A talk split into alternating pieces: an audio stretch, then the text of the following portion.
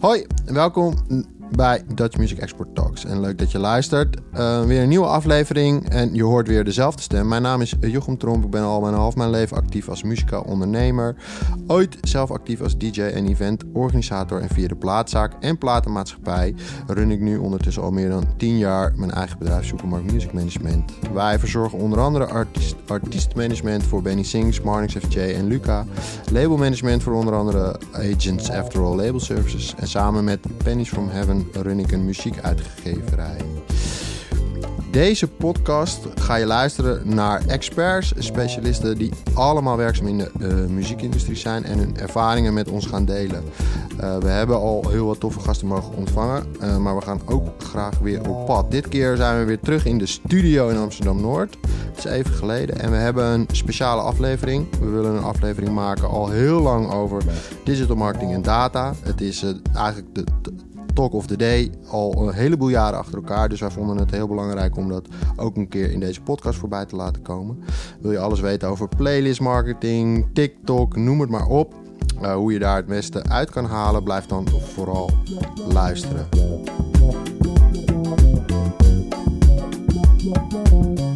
We gaan naar de gasten. Uh, ik ben heel blij dat ze er zijn. Welkom, Bibi Core. Sony Music Benelux, hè? Moet ik zeggen. Yes. En uh, Aras Banai. Ja, perfect. Oh. Dankjewel voor de uitnodiging. Uh, om even te beginnen bij jou, Aras. Je werkt voor Fuga. Kan je kort vertellen wat je daar doet? Zeker. Uh, ik werk bij Fuga inderdaad, muziekdistributeur. Die zich naast distributie ook richt op marketing services. ik ben zelf marketing strategy manager voor de Benelux. Dus het eerste aanspreekpunt voor alle onafhankelijke labels waar we mee werken.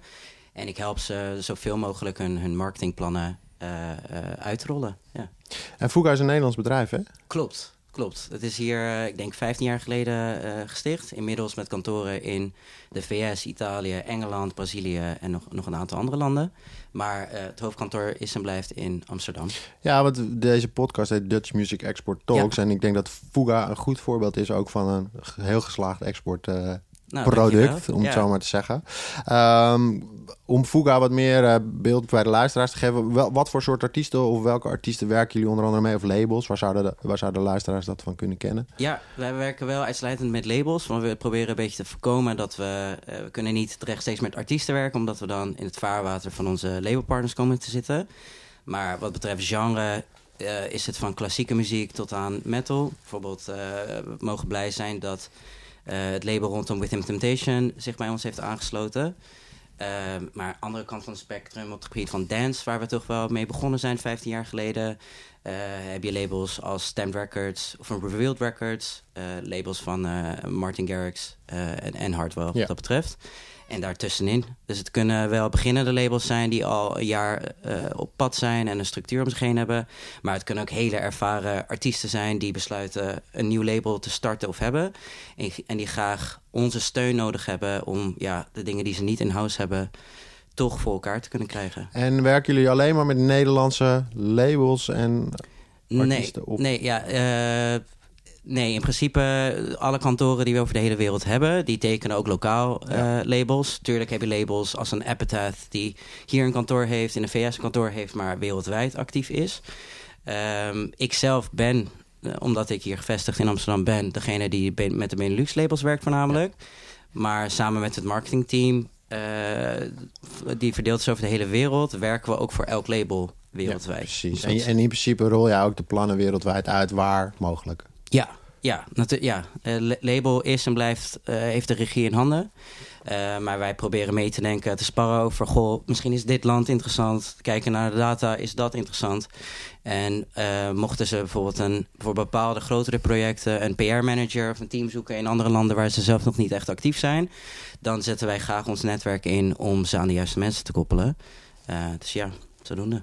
Tof. Bibi, kan jij even kort vertellen wat jij doet wat je, waar je vandaan komt eigenlijk misschien wel. We hebben net al een heel mooi verhaal gehoord. Uh, off the radar. Dus, uh... Ja, off the radar inderdaad al een beetje verteld hoe ik, uh, waarom ik graag de muziekindustrie in wilde. Want ik kom hier voor vandaan vanuit G-Star, dus vanuit fashion. Um, en daarvoor commerciële economie gestudeerd aan de HVA. Heel lang niet weten wat ik wilde. Maar ik wist één ding zeker. En dat was op een gegeven moment tijdens mijn studietijd dat ik de muziekindustrie in wilde. Omdat ik inderdaad dus toen ik een tijdje op Curaçao heb gewoond, een halfjaartje... Um, zo in contact kwam met een aantal artiesten die mij best wel duidelijk maakten dat ze heel veel plezier hadden in wat ze deden, maar dat ze het gevoel hadden dat ze niet volledig tot hun recht kwamen op heel veel plekken. Uh, zeker DJ's die dus stonden op events dat ze dachten komen die mensen voor ons of staan we hier een beetje ja, te draaien als een soort voorprogramma. En op die manier dacht ik, omdat ik data heel interessant vond, kunnen we dan niet op basis van data en artiestenmanagement daar een unieke combinatie in maken? Met altijd het soort prachtige idee in mijn hoofd van een eigen bedrijf. Zoals denk ik heel veel mensen van mijn leeftijd toen, of tenminste nog steeds willen. Mhm. Um, en uiteindelijk ja, zo de data ingerold. En uh, na, even kijken, drieënhalf jaar, vier jaar bij G-Star een vacature die openkwam bij uh, Sony Music, Benelux, als data-analyst voor de Benelux-regio. En daar hou ik me dus nu dag in dag uit bezig met alle verschillende artiesten, deals en artiesten die bij ons zitten. Dat wil zeggen, we hebben verschillende soorten deals, dus ook verschillende services. Maar ja, we hebben wel alle data van al die artiesten onder ons. En um, in die zin proberen we zoveel mogelijk te helpen waar nodig, eigenlijk. Ja. Ja, en daar gaan we vandaag wat dieper op induiken. We hopen dat uh, als we deze podcast straks uh, afgerond hebben, dat de luisteraar denkt: ah, nu begrijp ik alles van playlist marketing en TikTok. En uh, als we het hebben over de, DSP's, TikTok is heel duidelijk, maar wat, zijn DSP's bijvoorbeeld? Want dat gaat denk ik wel vaak voorbij komen in dit uurtje. Kunnen jullie dat uitleggen aan de luisteraar? Ja hoor, DSP's was wel de streaming services. Uh, er zijn er wereldwijd meer dan 200 die uh, in elk land weer een eigen markt bedienen. Met eigen genres of alle genres. In Nederland kennen we natuurlijk voornamelijk Spotify, Apple en Deezer. En je merkt dat YouTube met zijn YouTube Music ook zijn opmars langzamerhand begint te maken. Ehm, zij beheren en optimaliseren hun platform om zoveel mogelijk de luisteraar op het platform te behouden. En die editorial playlists die zij beheren zijn ja, grootste, grote inkomstenbron voor zowel de artiest als uh, uh, het label wat erachter staat. Dus dat is en blijft een belangrijk onderdeel van elk marketingplan. Uh, daar bouw je het in feitelijk omheen, omheen, gekoppeld aan je fysieke distributie. Dus ja. En als je het hebt over die DSP's, de Spotify's, Apple's, Deezer, YouTube, Tidal, Pandora, ik noem maar even een paar. Ja. daar trekken jullie allemaal data uit, Bibi. Uh, ja, we krijgen dus inderdaad van alle partners die, die we hebben... de data van de artiesten die bij ons getekend zijn. Um, tot op een zekere hoogte. Er zijn delen van de data die ze niet delen... maar bijna alles. En dan ook consumer level. En dan op basis van een ID. Dus wij weten nooit wie de persoon is die exact de muziek Mhm, streamt. Maar er hangt een ID achter. Wat voor ons natuurlijk weer heel relevant is. Want op die manier kunnen we audiences opbouwen. Dus wie luistert naar welke artiest... Um, van welke leeftijden, van welke ja, geslacht, maar ook waar in, in Nederland of België. Voor mij nogmaals ook echt Benelux focus. Ja. En um, ja, dan inderdaad Spotify is de, de, main, uh, de main speler in het landschap. Maar dat is ook leuk om te zien, juist omdat sommige projecten, sommige artiesten die we hebben, zijn wel heel erg Europees uh, focused. Lost Frequencies voor bijvoorbeeld, zelfs wereldwijd op dit moment. Wat En, een ehm, Belgische act is, hè? Belgische act, klopt. Hij is ja. Belgisch van origine.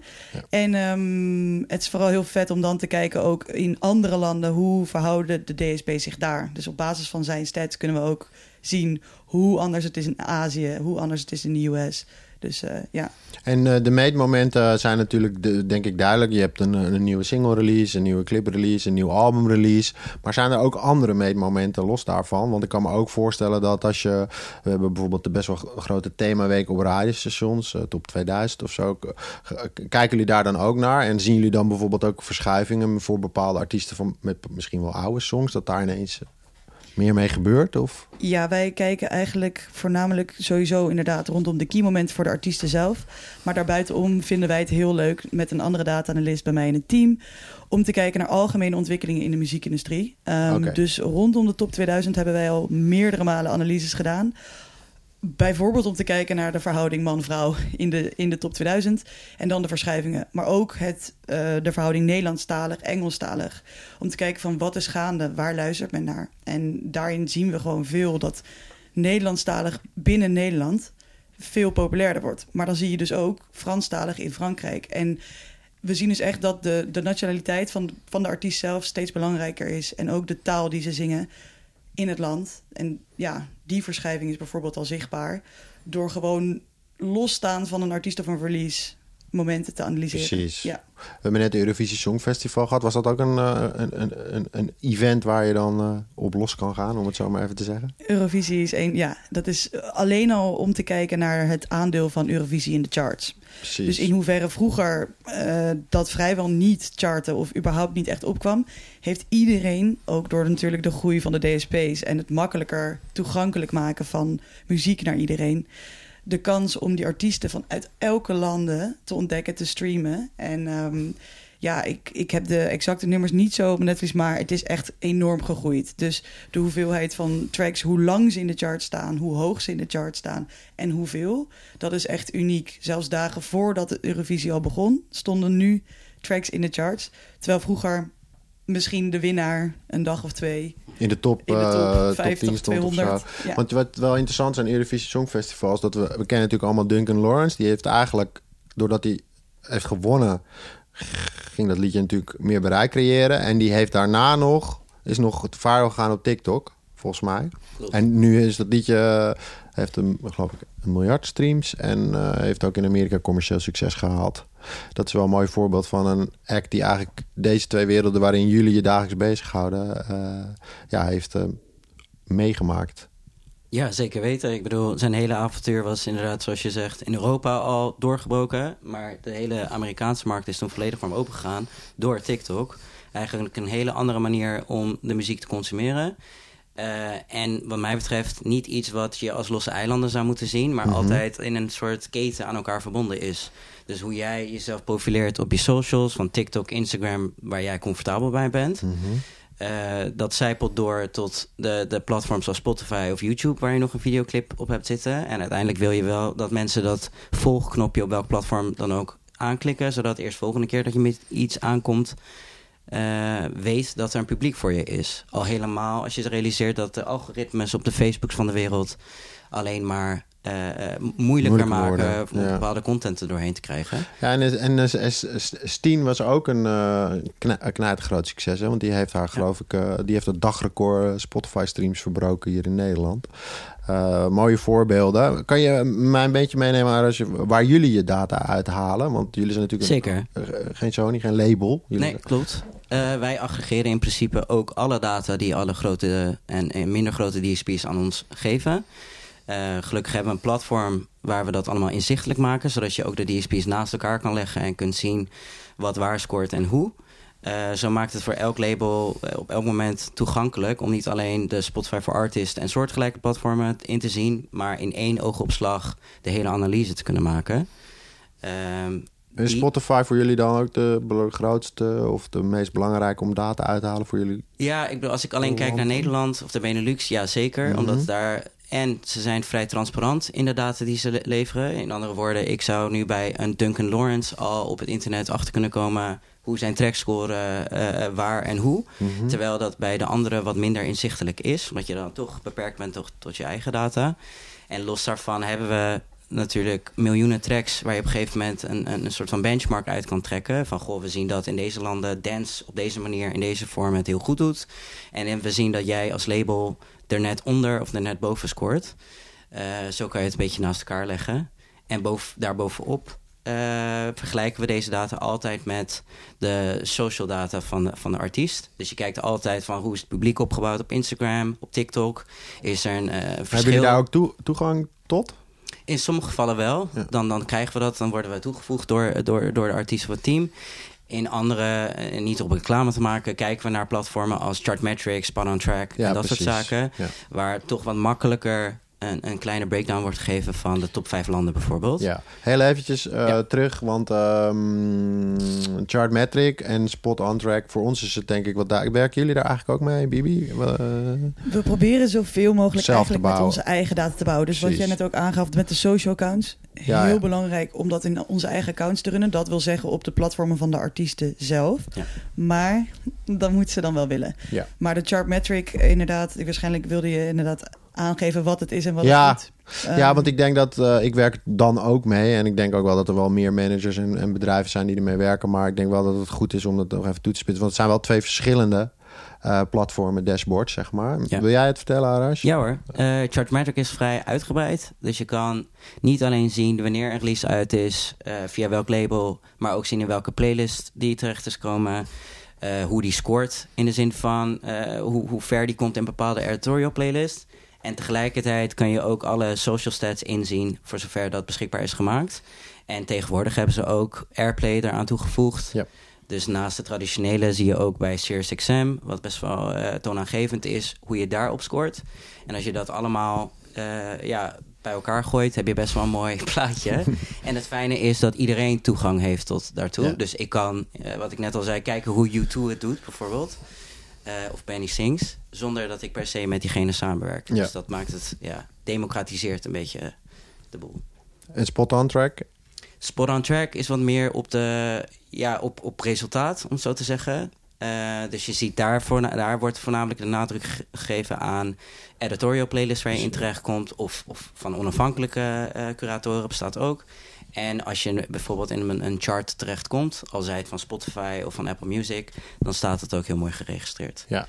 Uh, wat simpeler en volgens mij ook wat goedkoper. Klopt, ja. maar daardoor alsnog een goede ja, goed om aan te geven waar je moet beginnen. Ja, nou, het is wel interessant om te horen dat jullie eigenlijk allebei uh, met dat soort tools werken. En of ze dan zelf in huis hebben bouwen. Kijk, jullie, Sony is zo'n groot bedrijf, die zijn in staat om dat zelf te bouwen natuurlijk. En dat social media en, en, de, en dus de, de analyses daarvan ook heel belangrijk zijn om die naast uh, de, de analyses en de data van de uh, DSP's te houden.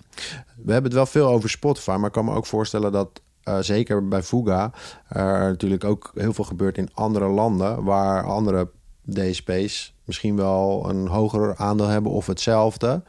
Um, en uh, hoe, hoe verhoudt zich dat? Kan je ons daar een klein beetje in meenemen? We ja, kennen tuurlijk. natuurlijk Apple Music. Uh, ja, nou neem bijvoorbeeld China, uh, waar, waar Spotify nauwelijks voet aan de grond krijgt. Waar Tencent en NetEase toch wel uh, de meest toonaangevende bedrijven zijn wat dat betreft. Is ook afhankelijk van hoe de bevolking muziek consumeert. Dus als je merkt dat bijvoorbeeld een Gio Saven uh, is een, is een Ja, Indische in- DSP, die maakt duidelijk het onderscheid tussen uh, zogenaamde westerse muziek en domestic. Uh, en dat zijn terminologie die je op Spotify eigenlijk nooit tegen zou komen, Hmm. omdat het toch vanuit de bevolking anders wordt geconsumeerd. Japan, ander voorbeeld, waar wij uh, een joint venture met Space Shower hebben als Vuga zijnde daar. Dat is een land wat heel erg op fysiek natuurlijk gezeten heeft, alle jaren en nog steeds goed doorloopt. En die hebben recentelijk pas besloten vol op uh, digital uh, of DSP's in te gaan zetten en digitale muziek uh, belangrijk te maken. On, mijn, collega, mijn collega's die daar zitten, die proberen die nieuwe trends in de markt nauwlettend in de gaten te houden. En ook direct zodra een nieuwe DSP op de markt komt, ermee te gaan praten, ons aan te sluiten om de labels in ieder geval een kans te geven het daar te gaan proberen. Dus ja, zeker. Zuid-Amerika, daar speelt, sorry als Apple Music luistert, Apple Music niet echt een dominante rol. Daar blijft Spotify uh, de grootste. Maar daar zie je dat Deezer best wel uh, een gro grote opvolger Ja, nee, is. Naast ja. de iMusica en andere lokale DSP's die ze daar hebben. Um, dus ja, zeker een verscheidenheid qua DSP's. En ik kan me voorstellen dat als jij met uh, Nederlandse labels werkt, dat die ook geïnteresseerd zijn in, weet je wel, of, of voor hun muziek er ook een markt is in, uh, in de landen die je net noemt en de platformen die daar actief zijn. Ja. Uh, het is natuurlijk altijd veel makkelijker om te denken dat het, het komt daar sowieso uit, maar hoe ga je daar dan een streampje uithalen? Dat is natuurlijk twee. Ja, klopt. Hoe ga je lokaal dan ook je marketing en promotie voor elkaar krijgen? Ja, dat is een goeie. We, we geven jullie dan het stokje over aan lokale kantoren? In som, Eh, in, niet in alle gevallen neem ik aan, maar wel als, het, als jullie denken dat het kans maakt. Ja, nou ja, als het gaat om. Als het landen zijn die met andere social media platformen werken dan, dan de, de, de platforms die wij kennen, is het raadzaam als je in een China of omliggende landen, om als voorbeeld te noemen, een campagne te willen draaien, is het handig dat uh, te proberen in de eigen taal, de verschillende eigen talen te doen daar. En op de verschillende accounts bepaalde expertise die wij simpelweg niet in huis hebben. Die huren we dan inderdaad op verzoek van het label in. Uh, maar wat ik al eerder zei, het label geeft aan van dit zijn onze doelen, dit zijn onze verwachtingen. Wij duiken samen de data in om te kijken in hoeverre dat realistisch is. Uh, geeft het zeker een kans en huren partijen in op het gebied van PR of pluggers of inderdaad social media bedrijven. om toch die door, lokale doorvertaling te kunnen doen, inderdaad. Wat zijn de belangrijkste platformen waar dan jullie de data vandaan halen? Dus niet alleen de DSP's, maar ook de social media. Wat, is, wat zijn de nou ja, we hadden het inderdaad net over, ehm, over hoe wij artiesten dan als artiesten bij ons komen. Als label zijn de vraag van hoe kunnen jullie ons helpen om groter te worden naar het buitenland. En daarvoor zijn dus de DSP's, zoals ook de social media's en TikTok bijvoorbeeld, heel belangrijk. Hmm. Dus wat wij nu hebben ehm, ontwikkeld is dat wij heel snel een trend kunnen spotten op TikTok. Dus wij weten gewoon heel snel, oké, waar komt die vandaan? Dus daar hebben wij een dashboard rondom gebouwd met data. En zo zien we als een track viral gaat. Als die track viral gaat en het is een Sony-artiest. Ehm, we hebben een heel concreet voorbeeld gehad. Dat was Petrushka van Sosa Manes in Frankrijk. En ehm, wij weten dat we een x aantal artiesten in nou, deze met name laserdeals hebben.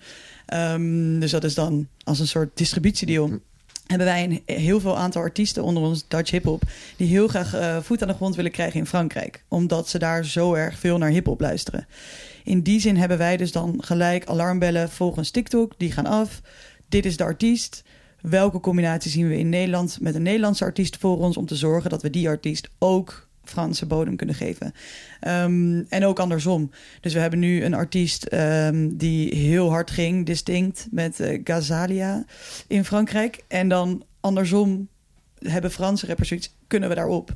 En op die manier proberen we, en dat is dus met name mhm. door TikTok op het moment, mhm. die combinaties te stimuleren. En de ideale uitkomsten te vinden. En ook op basis van data kunnen we natuurlijk ook uitzoeken waar luistert men naar in Nederland, naar welke Nederlandse artiesten, maar dan ook welke buitenlandse artiesten. Mhm. En op die manier door collaborations te creëren of uh, voor te stellen, hopen we zo onze artiesten te helpen om meer voet te krijgen in het buitenland dan moet ik zeggen dat is gewoon een heel lastig uh, iets. Maar het is wel interessant wat je zegt, want het is ook een heel ouderwets model. En uh, ik wil niet refereren aan een artiest waar ik mee werk, maar wij hebben altijd geroepen dat wij met lokale artiesten moesten samenwerken om voet aan de grond te krijgen in dat land van die lokale artiest. Dus ik, uh, samenwerken met de Franse artiest, want dan heb je daar sneller aansluis voor je eigen werk wellicht. En dat was toen nog puur op basis van... Hey, die artiest past misschien goed bij die artiest... maar niet op basis van wat jij nu uitlegt. En het is wel grappig en heel interessant... dat jullie daar ook een rol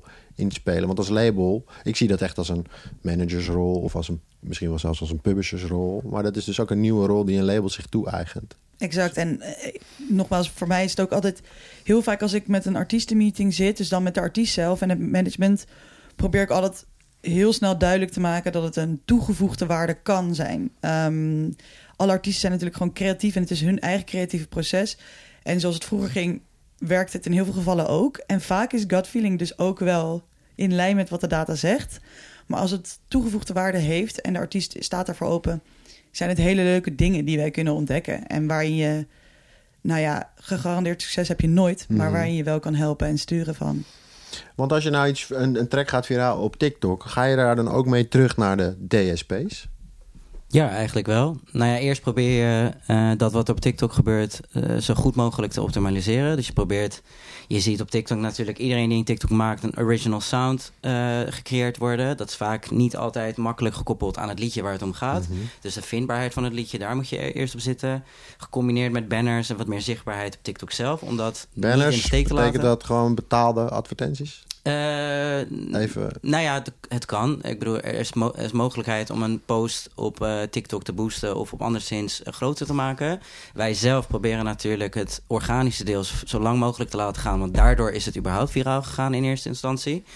En als in overleg met de mensen bij, lieve mensen bij TikTok, dat zij zien dat in bepaalde landen het viraal gaat dan uh, denken ze ook graag mee om het een banner te geven, onbetaald, gewoon als een editorial ding, of het in een playlist te stoppen. En al snel, of al snel, na een tijdje zie je toch in de in streamingcijfers dat dat zich langzamerhand begint te vertalen naar Spotify. Mensen zien iets op TikTok en willen dat graag nog langer kunnen beluisteren. Uh, vaak zie je dan de usual suspects, dus de, markten waar TikTok het grootst is. Uh, heel veel gebruikers heel intensief gebruik maken, dat zijn Filipijnen. Dat die landen eigenlijk opeens omhoog zien te kruipen. En met die informatie loop je eigenlijk weer terug naar Spotify of de andere uh, concurrenten van Spotify en zeg je: Hi, we zien dat dit viraal gaat nu. Uh, met wat meer data onderbouwd dan alleen die opmerking. uh, wij zijn van plan dit en dit en dit te gaan doen. Uh, en het zou tof zijn als, als jullie het in jullie viral playlist in dat land kunnen zetten of meer. Als je zou je kunnen stellen dat als je iets viral hebt gaan op TikTok, dat je dat als eerste terugziet op, op Spotify? Is dat, is dat de voornaamste DSP waar je dat op terugziet? Of? Uh, nou, hangt een beetje vanaf uh, welke markt het eigenlijk consumeert, om het zo te zeggen. Dus naast Spotify is de meest voorkomende, denk ik, YouTube, waar die uh, cijfers beginnen te pieken. Dus dan kijken ze, is er een videoclip ervan, is er een audioversie die langer staat. En ik wil die andere DSP zeker niet uitsluiten. Maar ik denk omdat je wat meer in real time en sneller kunt zien op Spotify waar het oh, naartoe ja. gaat, dat het het handigst is. Uh, ik word niet betaald voor Spotify om dit te zeggen, maar... Is, zou jij dat ook zeggen, Bibi? Is ja, dat ook jouw uh, ervaring? Zeker. Ja. En nou ja, sowieso, je gaf net, vroeg net van... wanneer ga je dan terug naar de andere DSP's? Ja. Als het groot genoeg is, dan hoeft dat niet eens, want dan is het organisch. Kate Bush, Stranger Things, schiet gelijk de lucht in, komt in de top 50. Dus dan hoeven we niet eens Spotify te zeggen... hey, hebben jullie uh, die track al gezien? Right. Dus als het groot genoeg is, gaat het organisch. Uh, zo niet, dan uh, pitchen we hem zeker als het relevant genoeg is. En er is nog één platform die we helemaal nog niet hebben genoemd. Maar die vind ik zelf altijd heel leuk om te bekijken. En dat is uh, Shazam. Ja. ja dus als we. Um, ja, als je iets op TikTok viral ziet gaan, dan is de kans al vrij groot dat in bepaalde plekken waar die TikTok-trend gaande is, hij al een tijdje in de Shazam-charts er staat. Ook dat is een tool waar wij heel veel naar kijken. Want ja, dat is gewoon oprechte interesse. Dus laten we het hebben over hoe je op Spotify kan streamen. Dan kan je zelf naar de artiestenpagina, naar um, nou ja, de albumpage. Allemaal bronnen die wij zien als lean forward, dus actief luistergedrag. En dan natuurlijk de lean back. En dat wil zeggen, dat zijn playlisting, uh, de, de queue, al dat soort dingen.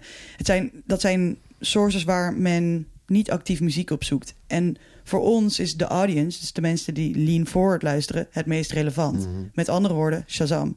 Want het enige wat voor publiek dat doet, is lean forward. Uh, same voor TikTok natuurlijk. Want als iemand daar actief een, op een sound een creatie maakt, dan is dat wel lean forward. Maar goed, het kan ook zijn door de hype. En soms heeft een, een TikTok-filmpje niks met muziek te maken. Um, dus Shazam zijn in die zin heel relevant. Um, ja, zo spotten we wel eens echt per ongeluk of een nieuwe artiest of, of een viral ja, trend die gaande is. Helemaal mee eens. En ook inderdaad, je kijkt ook niet alleen binnen de DSP's naar de streamingcijfers, maar je kijkt ook naar de bronnen. Dus in hoeverre, wat jij al zei, als mensen echt een actieve uh, bijdrage doen om een liedje vast te houden, dat is, dat is natuurlijk veel meer waard dan als iemand het in een uh, gewoon heel lui uh, op zich af heeft laten komen. Dus we kijken naar hoeveel mensen hebben het aan hun eigen playlist en bibliotheek toegevoegd, of bezoeken daadwerkelijk profiel van uh, uh, de artiest mm -hmm. om naar te luisteren. Ik heb zelfs één keer gehad dat, uh, dat de artiest viraal ging op TikTok. En je hoeft en de trend en de campagne waardoor het viraal was gegaan, had een eigen een naam wat niks met de titel of de artiest te maken had. En als je die campagne intikte in Spotify, kwam alsnog die track naar voren. Oh ja. Dus wow. ook daarin ze houden zeker rekening met het vindbaarheid van dit soort dingen. Uh, dus dat maakt het wel extra interessant. En, en de specifieke TikTok-playlists. Want Spotify en ik weet eigenlijk niet of Apple en die ze dat ook hebben. Maar je hebt nu ook TikTok-playlists. Daar staan liedjes in die duren soms niet eens een minuut. Mm -hmm. Um, zijn die van toegevoegde waarde? Is dat, is dat echt uh, waardoor je misschien ook weer in de top 50 uh, een Spotify playlist terechtkomt? Ja de, ja, de reden waarom een playlist heel relevant is, is omdat Spotify search gebaseerd is op playlist. Met an, dat wil zeggen, als je iets invult op search in Spotify krijg je eerst playlist en daarna pas de rest. Daar zijn ze heel erg op aan het pushen. Mm -hmm. Dus de reden wij... En ook wij, vooral hun eigen playlist. Vooral hun eigen playlist. Ja. Um, en ja, elk groot label, en dat was voor mij nieuw toen ik in de muziekindustrie kwam, wat ook pas anderhalf jaar is, um, is dat elk label dus ook hun eigen playlist-account heeft. En um, dat wist ik ook helemaal niet. Maar dat is ook bijna niet zichtbaar. Maar op die manier heeft ook elk label zijn eigen playlisten... waar ze heel veel logischerwijs muziek van hun eigen label inzetten... die zo op die manier op search omhoog komt. Ja. Uh, daar doet elk label aan mee. Uh, zelfs de artiesten zelf ja. maken nu tegenwoordig artist playlist... met al hun nieuwste muziek bovenaan. En soms wel acht keer hetzelfde nieuwe release nummer in dezelfde playlist. is dat gebeurd. um, maar goed, dus ja, dat, het is gewoon via search de plek om... Uh, ja, te zijn op Spotify. Ja, en het is eigenlijk ook wel goed dat artiesten en labels dat doen. Ze creëren toch een soort ecosysteem om een bepaalde fanbase, wat er misschien helemaal niet is ook, Mhm. wat geen plek kan vinden op het platform, om die daar naartoe te funnelen. En als je een advertentiecampagne doet op een van de socials en door, wil wij- door wil verwijzen naar Spotify of wat dan ook, is het ook wel fijn als je eigen volgers op je eigen playlist omhoog gaan. Precies. Neem hardstyle of hardcore als, als genre. Eh, alle DSP's proberen hun best te doen daar een, een plek voor te vinden. Maar je merkt dat de eigen playlist van de eigen labels eh, eh, de boel een Veel beetje beter worden beluisterd. Ja, Want dat wilde ik nog vragen. Hè. Kijk, we po- de viral gaan en, en, en hits en is, is over het algemeen. Ik weet niet welk genre het is. We laten het gewoon op popmuziek hebben. Maar popmuziek hebben. Maar je hebt natuurlijk nog meer DSP's die bijvoorbeeld veel meer in de techno zitten. Of in de, in de housemuziek, laat ik het zo maar even noemen. Niet specifieke genre binnen de housemuziek. Ehm, is het belangrijk om daar actief te zijn? Op platformen die meer met techno doen bijvoorbeeld. En zo ja, welke platformen zijn daar dan het belangrijkste in? ja, ik denk het wel. Voornamelijk natuurlijk wat je zelf wel zegt in Dance Electronic. Waar je eh, liedjes hebt die je in een extended versie aan wil bieden. Dus je gaat meestal niet, en, en kan wel, maar meestal niet een track van acht minuten op Spotify eh, plaatsen in de hoop dat het wat doet. Maar je probeert juist in die DJ-producers community toch aanwezig te blijven. Dus denk aan eh DSP's als Beatport, eh Tracksource, Juno, dat soort meer downloadgerichte eh DSP's. Die spelen zeker een belangrijke rol. Hm. Je ziet ook dat sommige labels een, een plaat exclusief aanbieden op een van die stores. In de hoop dat het toch bij de, bij de liefhebber op dat gebied binnenkomt. Maar dat is, ja, wij zien dat voor die danceartiesten als een extra pilaar, extra schakel waar ze Ja. toch wel een eigen draai aan moeten geven. En niet het moeten copy-pasten van wat er op andere platformen gebeurt. En is Instagram nog een belangrijk platform? Want eh, ik bedoel, eh, Spotify, TikTok, maar eh, Instagram is volgens mij vooral voor, voor de artiesten zelf nog steeds wel een groot platform om hun content te delen en hun muziek te promoten. Hoe, hoe, hoe gaat die mee in de data? En, en is dat ook nog een belangrijke om campagnes op te draaien? Ik denk dat het sowieso een platform is die je niet moet vergeten. Er zit nog een heel groot, heel groot audience op. Eh, vooral het verschil in leeftijd van audience op eh, een Instagram en een TikTok is heel relevant om te weten met welke artiest je te maken hebt. En wat wij heel duidelijk proberen te maken naar onze artiesten is bijvoorbeeld inderdaad, ze voelen zich veel comfortabeler om op Instagram te zitten, Mhm. Ehm, omdat dat zijn ze gewend. Maar daar maakten ze ook filmpjes op. Je hebt natuurlijk de Reels en dat is praktisch TikTok, eh, als je Ja. het mij vraagt.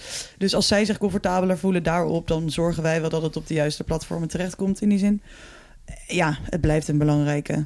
Zover ik. eh, En, en eh, want we hebben natuurlijk ook... YouTube heeft onlangs YouTube Shorts uitgerold... om nog even door te gaan op, eh, op korte video's. Is dat al iets wat eh, van toegevoegde waarde wordt? extreem, extreem. Eh, En is de content dan overal hetzelfde? Dus is het, is het, het, film, is het filmpje hetzelfde op Instagram, op TikTok en op YouTube Shorts? Of wat? Afhankelijk, afhankelijk van. Niet iedereen doet dat, maar het kan hetzelfde zijn.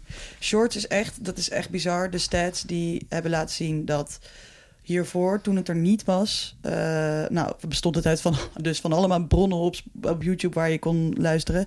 En sinds dat Shorts er is, komt bij voornamelijk 80% vanuit views op, op, op filmpjes vanuit Shorts. Dus dat is, ja, ja, daar wil je gewoon ook actief op zijn. Dus dan, en dan is het even voor de luisteraar in vergelijking met bijvoorbeeld een full-length videoclip. ja, Dus als je een korte versie van je clip op short zet, in vergelijking met de full-length video op YouTube, noem maar op de gewone YouTube, dan is het 80% meer views op shorts. Zou je dat zo mogen zeggen? Nou, ik vind het. Ik denk dat de shorts. Over die data kan ik geen uitspraken doen, want ik heb, er, ik heb het niet voor me. Maar ik denk dat shorts eigenlijk als een extra uitlaatklep gezien zou moeten Ja. worden. Dus als je dan in één minuut laat zien hoe je videoclip gemaakt is. Op een hele ludieke, leuke manier, dat iedereen ernaar wil kijken. Of een, neem een Charlie Puth, die doet heel voor de liedjes die hij geschreven heeft. In één minuut laat hij zien hoe die erop gekomen is. Nou, eh, die liedjes die hij geschreven is, die, die, die hoor je op alle mogelijke manieren. Dan is het fijn om vanuit hem even, even wat anders te horen en te zien. Ehm, dus ja, ik zou proberen daar, welk format je ook neemt, toch wel iets unieks op te doen. Ja. En zelfs als je shorts, TikTok en Instagram naast elkaar legt, zou ik proberen toch net een andere interpretatie, net een andere uitlating op elke platform te, te laten doorschemeren.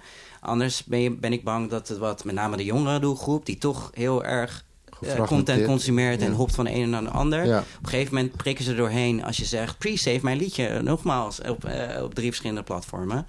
Eh, maar wat eh, jij al eerder zei, ha- hangt allemaal af van de artiest. Sommigen houden ervan een soort huiskamersituatie te maken waar je alles ditjes en dutjes kan eh, komen te zien. Je hebt wel eens een hardrockband dat zich daar niet comfortabel bij voelt, maar wel fijn vindt op TikTok te laten zien hoe die gitaarriff of solo tot stand is gekomen. Of een talkshow ervan maakt om juist alleen maar de rockliefhebbers aan te spreken.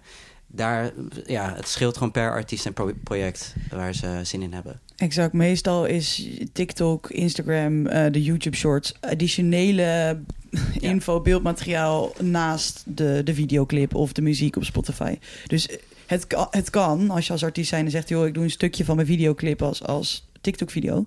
Maar wat je zegt, ik denk dat dan ehm, de views en de engagement eh, snel eh, omlaag zou Ja. kunnen gaan. Nogmaals, dit is altijd afhankelijk van. Ja. En dat is het mooie aan Per elke situatie. weer anders, ja. Maar meestal is het gewoon extra content om zo te zorgen dat je fanbase je op allemaal verschillende manieren eh, ja, ziet. Wat natuurlijk nu een beetje zo naar boven komt, is dat eh, we niet meer zonder content kunnen. Dat was natuurlijk al duidelijk, maar we hebben het nu eigenlijk alleen maar over content maken. En het liefst ook nog voor, nou, nu drie, drie verschillende platformen, al drie verschillende filmpjes. Eh, een uitdaging voor elke label en elke artiest volgens mij tegenwoordig. Ehm, artiesten die nog niet op TikTok zitten, wat zouden jullie tegen eh, hun zeggen? Of nog geen gebruik maken van TikTok, misschien als, als, als platform à la Instagram. Ja, dit is misschien ook weer een type antwoord wat ik kan zeggen van... dat is dus nogmaals heel afhankelijk van het type artiest. Want eh er niet voor openstaan begrijp ik in sommige hoeken van sommige artiesten ook. Alleen de reden waarom ik het als, als algemene tip zou geven... is omdat je gewoon overduidelijk ziet dat heel veel nieuwe muziek... ehm, een plek krijgt daar, maar ook catalog tracks, ook Mhm. Ehm, nieuwe releases. Het, het is gewoon de plek om je muziek aan mensen te laten zien, te laten horen. Dus in Het is die toch zin, misschien wel een- het Discovery platform van nu. ik zou het wel zo willen noemen. Eh, zeker. En dan is er ook nog steeds een hele grote groep mensen dat als je zodra je het woord TikTok zegt, dan zegt de ander, maar ik ga niet zo'n stom dansje doen. Mhm. Ehm, en dat is het niet. En het is ook niet meer alleen maar Gen Z eh, onder de 17 die op TikTok zit. Het groeit enorm, ook naar ouder. Ehm, er zijn steeds meer oudere mensen die ook op TikTok zitten. En het gaat juist eigenlijk niet om dat ene dansje. Ik bedoel, als je daar heel comfortabel voelt, eh, ook fijn.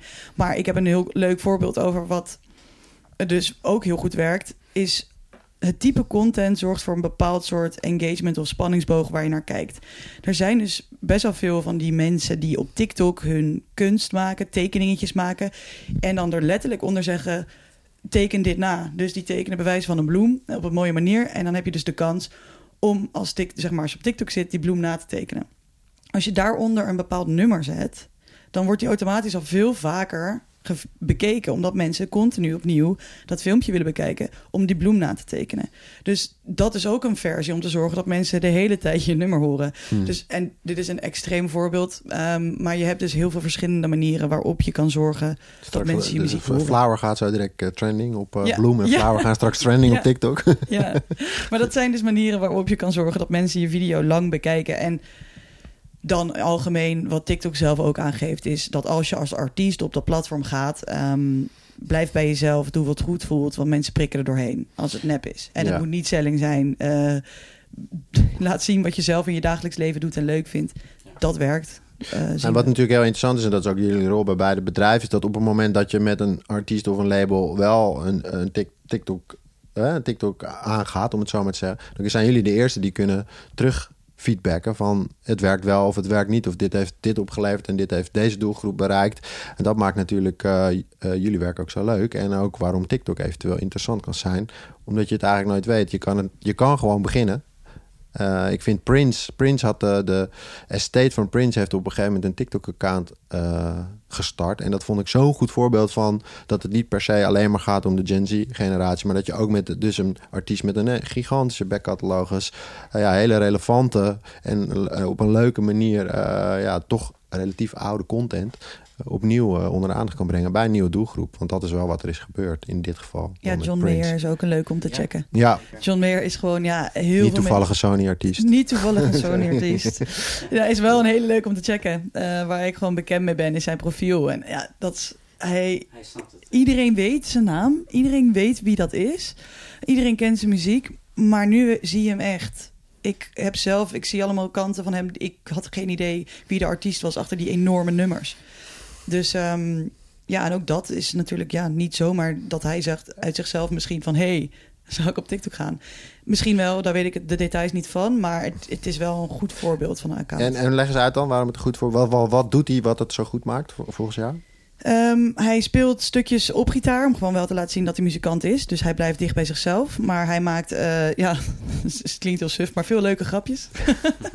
dus hij laat zijn humor en de, ja, zijn echte persoonlijke kant heel erg zien. Ja, en je zou eigenlijk kunnen denken: voor John Mayer is het helemaal niet nodig om op TikTok te zitten. Want die exact. streamt al en die verkoopt al grote zalen uit als een, als een al, ja, dat is gewoon een wereldster. Daarom, en dat is precies de nieuwe groep die opeens nu ook weer. Eh, en dan is het wel de jongere groep die hem ontdekt die hem nu ook luistert. Ja. Uh, ondanks dat die nummers al mega lang uit zijn. Ja. Um, Precies. Nou, iedereen kent het. Um, goeie tip, dankjewel. Iedereen uh, John Mayer, even John Mayer TikTok opzoeken. Arash, je had het net toch ook nog wel over traditionele media. Dat jullie uh, met Fuga ook daarin een rol kunnen spelen, adviserend, ondersteunend. Ja. Uh, hoe, zie, hoe, zie je, hoe, hoe, hoe, combineert dat zeg maar, met die nieuwe, nou ja, nieuwe wereld? Het is niet per se maar de digital kant van de marketing en toch de wat ja, traditionele kant. Ja, het is toch wel, eh, we zien het toch wel een beetje als een wisselwerking. Dus je ziet aan de hand van, gaan we weer, data. Nee, maar daar uh, zitten we hier voor, hè? Dus ja, klopt, klopt. Dus uh, vanuit de data ga je naar, toch naar traditioneel weer terug. Nou ja, je ziet waar er misschien kansen liggen. Dus je ziet opeens een markt, bijvoorbeeld bij wijze van in Italië, groeien in de cijfers. Uh, je kan daar eer, in eerste instantie wat advertentiecampagnes op loslaten... om precies je boodschap te krijgen bij, die, bij de Italiaanse fanbase. Maar op een gegeven moment, met name in de wat uh, poppiere genres... om het zo te zeggen, als je toch nog wil doorbreken in die zin... heb je de traditionele poortwachters zoals radio en daarna tv nodig om je, om je doel te kunnen bereiken. Vaak hebben artiesten dan al in eigen land of in de buurlanden al een beginnetje gemaakt. En denken ze, goh, we zien aan de data dat het misschien tijd is om toch die stap te maken naar die landen. Dan analyseren we het eerst van in hoeverre is dat zo? Is de luisteraars of de fans die je hebt in verhouding met de bevolkingsgroep uh, wel groot genoeg om dat te verantwoorden? En dan gaan we naar lokale partijen op zoek die daarbij passen. Die fan zijn met name van de muziek. Want uh, we gaan niet zomaar mensen aan het werk zetten. Je moet wel geloven in het artiest en het project. En dan via die weg proberen we uh, ook bij de, de, de DSP's... die niet per se helemaal bekend zijn met de artiest... toch via de traditionele weg de aandacht op te kunnen vestigen. Um, dus ja. Dat is wel interessant. Hè? Dus eigenlijk bepaalt het succes en de viraliteit, om het zo maar te noemen, uh, van een liedje of een videoclip of whatever. Maar een, uh, dat stukje content wat bij die artiest hoort op de DSP's en de TikTok bepaalt eigenlijk of je daarna nog de stap maakt naar de, tradition, de meer traditionele media. Zeker. En ik denk dat we ook een, een kleine schakel daartussen nog kunnen zetten. Is natuurlijk live. Waaruit je besluit een Europese tour ervan te maken. Of alleen maar op de Benelux te gaan richten. Ja dat wordt ook naar mijn idee voor een groot deel geput uit je social stats gecombineerd met je DSP's. En als je dan toch aan het land bent, zou het toch fijn zijn als je een lokale, lokaal team, PR-agent, wat dan ook hebt, die het verhaal voor jou kan doen daar. En je langs kan brengen bij de radiostations als je toch al in Milaan bent. Ja. Um, dus ja, het, het, het voedt elkaar. Is dat, zou je kunnen zeggen dat het bij jullie ook zo werkt, uh, Bibi, in het algemeen? Dat je begint op de, op de, op de DSP's, de socials van de artiesten... en ondersteunt op de, de, de, de, mogelijke TikTok-creatieve eh, kansen... en daarna doorpakt? Uh, ja. Um... Of gaat het wel sneller hand in hand bij jullie? Gewoon een goede single met een, met een, een, een grote artiest gaat ook meteen naar radio. En dat kan ook weer terug feedbacken of, positief, uh, ja, positieve gevolgen hebben voor je streams? Ja, bij, bij, de, bij de grote, de, de al bekende gevestigde namen. Bij een grote single release waar focus op ligt, dan um, gaat het gelijk in persberichten en uh, via promo en pluggers naar radio en tv. Um, en als het een nieuwe artiest betreft, dan is het eerst echt um, strepen verdienen. En vooral omdat er echt heel veel is. Mm. Um, wat het dus nogmaals moeilijk maakt voor Nederlandse artiesten om door te breken in Nederland zelf. En al helemaal naar het buitenland. Um, en ja, dus zomaar met een upcoming artiest waar we nog maar twee releases mee hebben gedaan en dat het alleen maar een hype is op TikTok. Nee, dan zullen we niet zo snel direct zeggen: uh, hey, hey, hey, kijk hier. Mm -hmm. Maar uh, ja, als we echt bepaalde ideeën of successen zien ehm, of een bepaald project ingaan, dan wel. Maar het is meestal de gevestigde grotere namen die iedereen ook kent, eh, die langer meegaan. Is, zou je kunnen stellen dat radio uh, gevoelig is voor de data waar wij het eigenlijk de hele tijd over hebben? Of, of uh, doen ze net alsof een neusbloed? Nou, het is, het is sowieso een hele lastige, maar dit is denk ik een heel ander, hele andere aflevering voor je podcast. Ja, nee, het nee. stukje radio en Spotify, denk ik. Ja, precies. Ja. Nou ja, het is meer de, de, de vraag is dus van, oké, okay, help, help de data die jullie verzamelen en eventueel het succes wat uit die data uh, gelezen kan worden, helpt dat een plugger ja. een radiopromotor met zijn verhaal voor. Zeker. Voordat ik er was, gebeurde het natuurlijk niet. En nu uh, zit ik er een tijdje en ik heb veel contact met onze radioplugger, want die gaf zelf aan ja, het is toch overal gaande. Dus um, ik vind het fijn om daar iets te laten zien. En um, naast dat ik heel erg in de data zit, vind ik het heel erg leuk om het ook creatief vorm te geven. Dus op die manier hebben we nu ontwikkeld dat we een one-pager hebben. Dus zo'n infographic, zoals ja. het heet. Um, dat ik de stats op... Uh, nou, een soort van oplijn van alle verschillende DSP's, maar ook van de radio airplay charts. En nou ja, neem het echt letterlijk alle details van één track. En dan gaat het meestal om één track natuurlijk. Um, en die lijn ik op, maak ik een uh, ja, uh, hopelijk aantrekkelijk plaatje van. En op die manier kan de plugger ermee naar, naar de radio stappen. Mhm. Omdat ook als het er vet uitziet, alleen als soms kan helpen. Dat klinkt gek, Ja. maar dat is echt zo.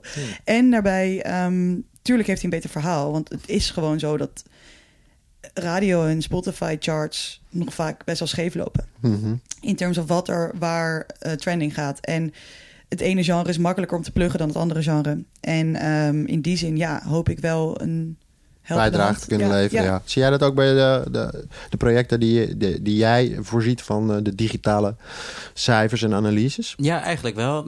Natuurlijk weer afhankelijk van type artiest en genre. Dus sommige, met sommige genres kom je gewoon weg niet aankloppen bij radio. Maar je hebt de data nodig dat iets keihard gaat in Nederland of in de buurlanden... voordat je een goede uh, plug kan doen naar radio toe. Tuurlijk, wat jij al zei, de gevestigde orde zijn bepaalde campagnes die er gewoon voor vragen... of eerdere campagnes hebben gedaan... waarbij in één keer meerdere landen zijn ingeschakeld... zowel traditioneel als digitaal. Um, maar noem een voorbeeld als een, een Mo... die met dat Mhm. heb jij gedaan natuurlijk week na week na week bleef groeien afgelopen jaar... Uh, op streaming op in eerste instantie. Ja. En daarna pas uh, uh, radio om de hoek kwam kijken. Met als gevolg dat ze pas in het nieuwe jaar zeven weken in de top 40 op nummer 1 stond. Ja. Ja. Ik heb zelfs Prachtig in Duitsland wel eens pluggers meegemaakt die zeiden... pitchen jullie het maar eerst even naar de DSP's toe. Kom bij mijn week maar terug met de eerste resultaten. Oh, ja. En dan pas ga ik lopen. Dus het hangt weer af welk land en wat de traditie een beetje uh, is daarin. Ja, te gek. We hebben het nu best wel over, uh, als je denk ik toch als een artiest al redelijk goed begrijpt waar je, waar je, waar je heen kan hè, op de DSP's, waar je, waarom je TikTok zou moeten inzetten. Maar uh, even, toch even terug naar het begin. Want je, gaat, je komt een artiest en die moet je in de markt gaan zetten. Waar begin je en wat is belangrijk? Wat vertellen jullie die artiest? Uh, allereerst blijf bij jezelf. Dus wat wij ook voor tips en tricks gaan geven, ga niks doen waar jij oncomfortabel bij bent. Tuurlijk is het goed om out of the box te denken en uit je comfortzone te treden. Maar je hoeft niet, wat jij al eerder zei, gekke dansjes te gaan doen om hetzelfde doel te bereiken. Uh, we, gaan, we doen dan eerst een hele analyse voor welk platform diegene ook actief is. Van hoe ziet het eruit? Hoe doen ze het? Wat is het engagement? Hoe frequent posten ze? En daaruit komt er een soort advies van wij denken dat gezien de eerdere resultaten of hoe jij je wil profileren, dat het raadzaam is via deze platformen eerst te beginnen voordat we uh, ja, voordat je een plugger inhuurt mm -hmm. bijvoorbeeld. Dus die analyse wordt wel eerst gedaan. Maar het fijne is dat we natuurlijk met labels werken. Die komen zelf wel vaak met een uitgevlocht, uitgewerkt plan en mm -hmm. een analyse. En dan, toetsen ze het eigenlijk aan ons. Ja. Uh, dus die, die, die, die samenwerking, daarmee kom je eigenlijk tot een, uh, nog een beter resultaat dan wat dat wij alleen maar zouden zeggen: dit is wat je moet doen. Dat zou uh, uit onze mond nooit komen. Dus ja, en naar de muziek luisteren. Dus dat ja, het begint altijd met, een, met de song, toch? Dat maakt niet uit in welk tijdperk we leven. Het is all about the songs. Heb jij nog iets uh, moois hier aan toe te voegen? De Nou, alles wat er- investment. Ja, alles wat Arash zei eigenlijk. en dan is er nog een heel klein stukje waar we echt ook nog meer op proberen te focussen. Is inderdaad naast wees jezelf en weet naar wie je, uh, wie je audience is. Wees herkenbaar. Dus uh, het klinkt super stom. Uh, ik kom natuurlijk uit, ik kom uit de fashion. En ik ben dus misschien iets meer van: oké, okay, um, hoe is een merk herkenbaar? Hoe was G-Star herkenbaar? Maar als artiest wil je ook eigenlijk dat iedereen weet als de kleur roze heel erg bij je past. Ja. Dat je dat bent. Of, en dat is makkelijk met een kleur, maar dat met een logo of met een albumcover of met een fotografie, met de styling. Als het allemaal in één lijn ligt en als je als soort brand, uh, branding voor jezelf, want je bent gewoon een artiest die ook naar buiten treedt. Als iedereen jou ziet als altijd dezelfde of die herkenbaarheid, ja, die vinden wij heel belangrijk. En dat is heel lastig, want je verandert. Iedereen En, en dat is dan vooral visueel? Visueel, um, met Ik name. bedoel, geluid hebben we het net al over gehad. Het is, het is uiteindelijk het begin met, Begin met, met de, met, de, met de song, ja. Maar Ja. dan Visueel. de branding. Ja, en ook dat je alsnog ook nadenkt over elke stap die je zet. Als je Ja. opeens een heel ander genre gaat aanspreken, dat is tuurlijk eh, het begin met het nummer. En als dat goed voelt voor de artiest, dan ga je daar niet per se tegenin of zo. Alleen dan weet je wel dat een stukje van hoe je herkenbaar staat en hoe mensen je weten te vinden, weg kan vallen. Ehm, dus ja, Dus ja, een deel van je doelgroep, een deel van je doelgroep. potentieel. Of, of Ja. inderdaad, en hoe, hoe wil je een nieuwe groep aanspreken? En Hmm. er zijn dus heel veel dingen waar je naar kan kijken. En dat is een heel groot stuk data. En het stukje wat ik net noem is denk ik ook eh, praten met de artiest, de artiest kennen. En dat gebeurt gelukkig heel veel nu dat we weer allemaal een beetje eh, kunnen en mogen. Eh, Bij mij op kantoor, en ik denk dat bij jou, uh, Arash, hetzelfde is, is dat de artiesten komen langs. Wij praten met hun, iedereen. Dus de marketeer, maar ook ik als data-analyst. En dat is heel prettig. Ja. Dus we weten waar zij voor staan, dan weten ze wat wij kunnen. En zo probeer je echt als team iets neer te zetten. Ehm, je bent echt met elkaar bezig. Het is wel mooi, want dat is dus de menselijke kant van, van, van alles online en, en digital. En eh, is heel, blijft heel belangrijk. Eh, juist om het beter te verpakken, Exact. digitaal. Ja. En als het nou een artiest eh, komt en zegt tegen jou, Ras, ja, maar, ja, maar ik kan toch gewoon in Duitsland, eh, kan ik toch wel gaan toeren, want eh, ja, ik voel gewoon dat dat kan. En jij ziet in de, uit de data, als ik noem Duitsland, het mag ook een ander land zijn, dat je echt denkt van, nou, nee, hoe ga je daarmee om? Wat is, wat, de- zijn jullie transparant, eerlijk en eh, Ja. is dat ook onderdeel van het werk? Want het, kan, het is natuurlijk niet alleen maar altijd maar 100 streams in Duitsland betekent niet dat je ook 100 kaartjes kan verkopen in Nee, Duitsland. zeker niet. Ik bedoel, wij proberen eh, het zo inzichtelijk mogelijk te maken. Dus we denken van ja, als jij nooit in een editorial playlist in Duitsland hebt gestaan of nooit een, een, een organische fanbase hebt opgebouwd, al zij het op Instagram, waar dan ook, waaruit die luisteraars komen, dan zie ik bijna geen reden om daar wel te gaan toeren.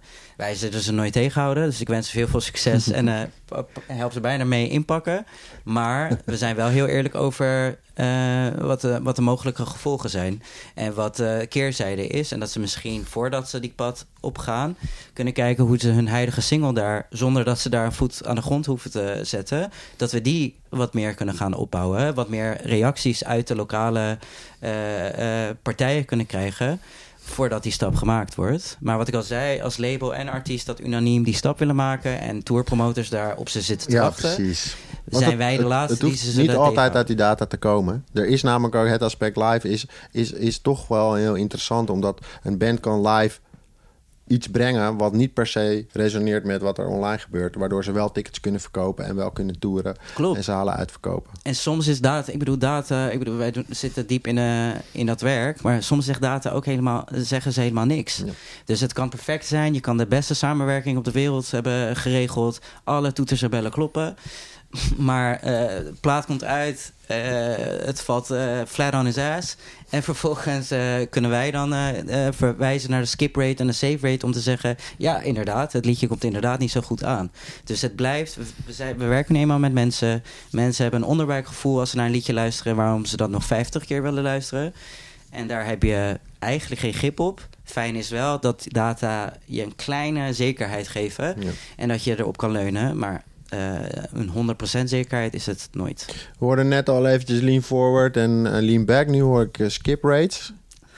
Doe even Ja. een kleine toelichting. Wat is, er, wat is een goede skip rate en wat is een minder goede skip rate? Nou, moet ik toch een politiek correct antwoord geven? Eh, nee, ja, het hangt, sorry, eh, het hangt toch echt af van het genre. Dus kijk je naar classical muziek, die toch meer op de focus, chill, dat soort playlists gericht is. eh, Dan wil je onder de het liefst ja, zo dicht mogelijk bij de nul zitten. Zit je op de 3% skip rate, dan is dat fantastisch. Maar die liedjes worden over het algemeen dan niet zo snel opgeslagen door luisteraars in hun eigen playlist. Want die kiezen of eh, een playlist van een bekende DSP of eentje van een eh, componist die ze heel erg waarderen. Eh, en zijn wat dat betreft wat meer lean back aan het luisteren. Ze zetten een playlist aan, ze genieten ervan en dat is het.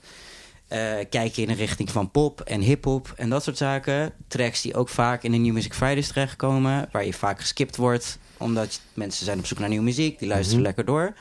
Eh, dan zit je toch wel richting de 10 tot 20 eh, procent dat het zou moeten zijn. Eh, en zelfs dan, zelfs als de skip rate tegen zit of wat dan ook, zelfs dan kan hij ineens eh, door het dak gaan en, en, en, en boeien al die data niet meer. Ja, ja. Maar het is toch wel een soort graadmeter waar je naar zou kunnen kijken. Eh, en, en, en nog steeds een graadmaker waar jullie ook naar kijken. ja, zeker. Ja. Maar eh, dat valt, naar mijn mening valt dat een beetje samen met eh, dat lean forward, of eh, sorry, eh, de save rate. Mhm. Eh, want als jij als luisteraar een liedje toevoegt aan een van je eigen playlist of aan je bibliotheek, is dat fantastisch. Dat is een goed voorbeeld, een teken van lean forward listening. Want ik ben actief bezig om muziek eh, eh, tot me te nemen. Dus liedjes uit te zoeken en misschien het zelf te onderhouden. En, uit, en de mensen die op volg drukken op de verschillende DSP's, daar kan je mm, ja, uiteindelijk het meeste op terugvallen. Eh, als je een nieuw liedje eh, uitbrengt. Denk aan de dingen als Release Radar en soortgelijke eh, algoritmische tools. Die zijn allemaal gebaseerd op wie het meeste met jou interacteert. Dus het liedje grijs draait, wie je volgt en dat soort zaken. Dus dat blijft een belangrijk onderdeel daarvan, zeker. Ja, en ik denk dat het voor de hand ligt dat wij als labels het belangrijk vinden voor onze artiesten hoe ze performen. Maar ook Spotify kijkt hiernaar. Zij Mhm. hebben de stats ook. Ja. Dus wij, wij kijken naar skip rate, naar save rate. Maar Spotify doet dat ook. Ja. Dus wij kunnen het wel niet doen, maar we moeten wel. Want we willen natuurlijk een stapje voor zijn. Ook soms zien ze dingen niet. Dus dan kunnen we zeggen, hey, skip, save gaat goed. Eh, kunnen jullie misschien meer, meer meenemen in meer playlisten?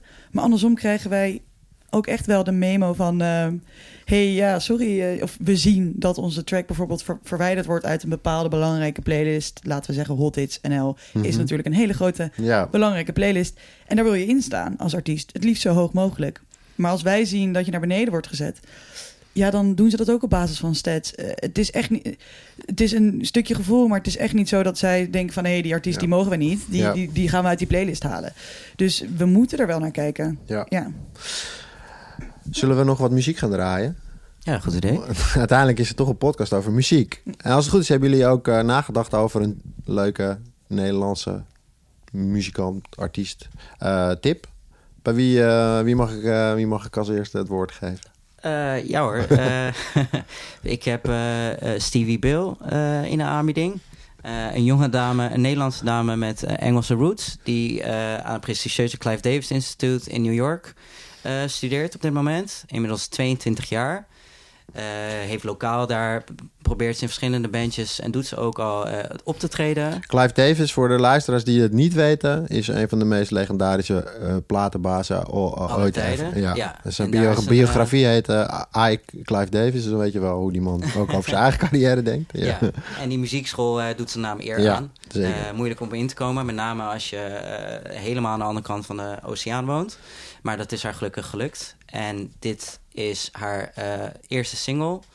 Wat meer pop rock, pop punk. En het heet eh, Good Luck With Your Boyfriend, eh, En- Girlfriend. En op welk label komt dit dan uit? Op haar eigen label? Nee, dit komt via Atlas. Dus Oh ja. dat is het team achter Verdaus, Remmen enzovoort. Remmen zit niet bij het label, maar het management tak wat erachter zit. Ja. En haar EP komt in oktober. Dus Tof, gaan we even naar luisteren.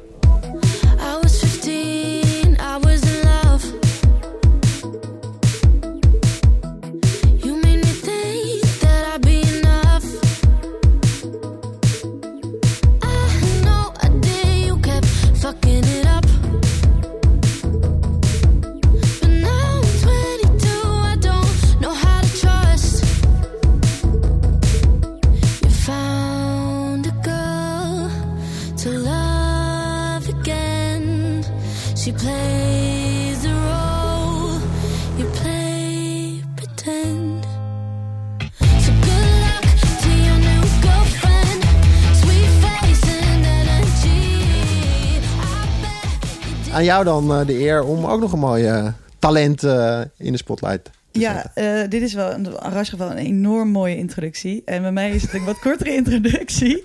Ehm, omdat bij mij ligt het echt gewoon heel dichtbij wat ik, wat ik voel en luister en hoe eh, deze op mijn radar is gekomen. Het is een broer van een vriendinnetje van mij. En ja, ik wist dat hij muziek maakte.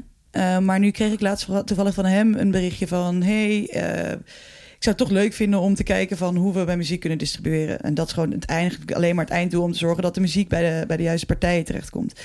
En ik luister de muziek wel eens half. eh, ik zag het op de Instagram voorbij komen. Ehm, maar toen dacht ik, dit is een goed moment om ook echt te laten horen. Dus Thomas Ferdinand ehm, is een Nederlandse, dus een Nederlandse jongen. Ehm, vrijwel ja, weinig voet aan de grond in Nederland. Ehm, maar heeft alle muziek opgenomen en geproduceerd in Berlijn. En, eh, en nog andere, heel veel andere steden trouwens in Duitsland. Hij is veel in Duitsland eer- eigenlijk als model heen en weer gegaan, maar maakte daarbij muziek. En in die zin heeft hij dus wel wat Duitse luisteraars, maar nog wat minder in Nederland. Mooi hè, dat eh, je meteen even wat meer eh, luisterinfo geeft over het liedje. En hoe heet het liedje? Soet. Ja, en het we. is niet per se de nieuwste release, maar het is gewoon mijn lievelingsnummer. Ja, nee, te gek. Eh, heel mooi. Gaan we even naar luisteren. Grow common roses and pick them at their peak. We share common voices. He taught me how to speak. Be my brother, be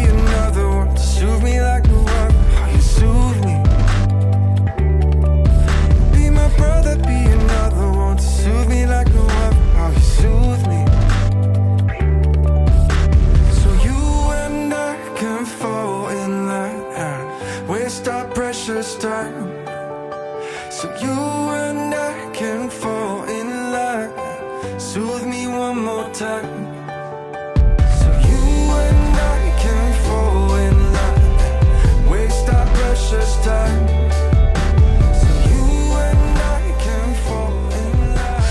Eh, we zijn een beetje aan het einde van de podcast. Hebben jullie nog leuke nieuwtjes die jullie onze, onze luisteraars mee kunnen geven? Iets spannends eh, wat we nog niet weten of waar we op moeten letten in de aankomende tijd? Het wordt een eh, drukke, volle zomer. Zijn er nog bands die we in de gaten moeten houden op de festivalweiden, op de streamingplatformen of misschien op televisie? Ja. Ja, Ja. Aras? Ja, je hint er al stiekem een beetje naar. Ik hoor het al. Ehm, ja, natuurlijk werk ik, werk ik al langer samen met eh, het label rondom Blanks. Eh, hij is nu bevestigd voor het nieuwe seizoen van Beste Zangers, wat natuurlijk fantastisch is. Ja. Nadat hij wat tv-programma's heeft gedaan. Eh, zijn deluxe versie van zijn debuutalbum komt uit op 15 juli. Dus dat is zeker om eentje om in de gaten te houden. Eh, is een man die, al, eh, die zeker al eerder in de VS wilde toeren. En eh, half oktober de kans krijgt als special guest bij een eh, gerenommeerde indie popband door Amerika en Kijk. laten gaan toeren. Beetje Dutch Music Export nog op het einde Ja, van toch? deze podcast. Ik mag goed. het niet zeggen nog wie, anders eh, fileren ze me na afloop. Maar Maar dat dat, tegen de tijd dat het album uit is, zal dat ook eh, bekend worden gemaakt. Nou, goed om te horen. Daar kijk ik eh, inderdaad naar uit. Bibi, heb jij nog eh, iets leuks om mee te geven aan onze luisteraars deze zomer? Waar kijk jij naar uit? Nou, ik denk dat iedereen... Ja, dat is dan niet Nederlandse artiesten. Nee, dat maar maakt ik, eh, ik denk dat iedereen de single van Beyoncé voorbij heeft zien komen. Zo, Dus, nou, inderdaad, ja. Ik ben benieuwd eh, naar de rest, laat ik het zo zeggen. Ja. En ehm, dat is natuurlijk mega gaaf. Sowieso komt er veel aan. Ook nog van eh, lokale artiesten. Dus eh heb ik zin in. En alle festivals natuurlijk. Ja, precies. Oké, nou, super bedankt eh, voor jullie komst. Ik vond dit een hele inspirerende talk. eh, en ik hoop dat onze luisteraars dat ook gaan vinden. Ehm, en mocht je nou eh, nog meer willen horen, dan kan. Want we hebben nog een podcastje of 13 ongeveer online staan. Ehm, laat ook even weten wat je van deze podcast vond. Dat vinden we ook altijd heel leuk. Je kan een reactie achterlaten op je favoriete platform. Ehm, we sluiten hiermee de podcast van deze keer weer af. Met te melden dat de podcast een podcast is die mede wordt eh, gemaakt in samenwerking met Dutch Music Export. Dutch Music Export is een initiatief van het Fonds Podiumkunsten, Buma Cultuur en de Stichting Popcoalitie. Zij ondersteunen de internationale positie van de Nederlandse popmuziek binnen de wereldwijde muzieksector. Wil je hier meer over weten? Kijk dan even op de website www.dutchmusicexport.com. En dan hoop ik jullie heel snel bij de volgende weer te treffen. Bedankt voor het luisteren. Hoi!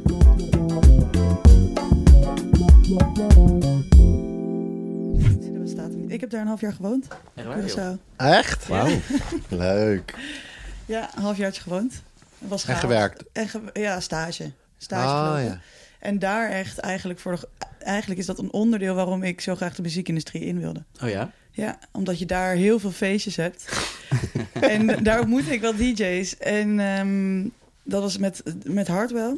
Ah. En daar had ik toen gewoon veel mee gepraat over hoe ik de muziekindustrie zag en hoe hij dat zag. En toen vertelde hij eigenlijk al van... ik ga echt praktisch stoppen met draaien. En dat heeft hij toen anderhalf jaar verteld voordat hij het echt aankondigde. Wauw. En toen was ik met hem helemaal zo van... er moet toch management zijn wat op basis van data kan zorgen... dat jij op de juiste plek op de juiste momenten draait. Toen gebeurde alles met Avicii en dat kwam allemaal soort van bij elkaar. En Maar dit ga je zo vertellen, hè? Ja, dit ga ik zo vertellen. Ja, ja. dus Curaçao, ja. Dat is- Spoiler. Ja. Spoiler alert. Wat een goed verhaal. Maar was hij daar dan aan het draaien? Of heb je hem daar gewoon ontmoet als eh, persoon, zeg maar? als persoon. En toen leerde je, jullie gewoon gekletst en toen... Ja. Oh, Hij was niet daar, hij was echt voor vakantie. ah, Ja. nice. En mijn collega kende hem als vriend... omdat hij elke keer weer daar op vakantie komt. Ah. Dus die zei, oh, ik heb een leuk feestje, Hartwell is jarig. En ik zo, oké. De Zei, ga je mee?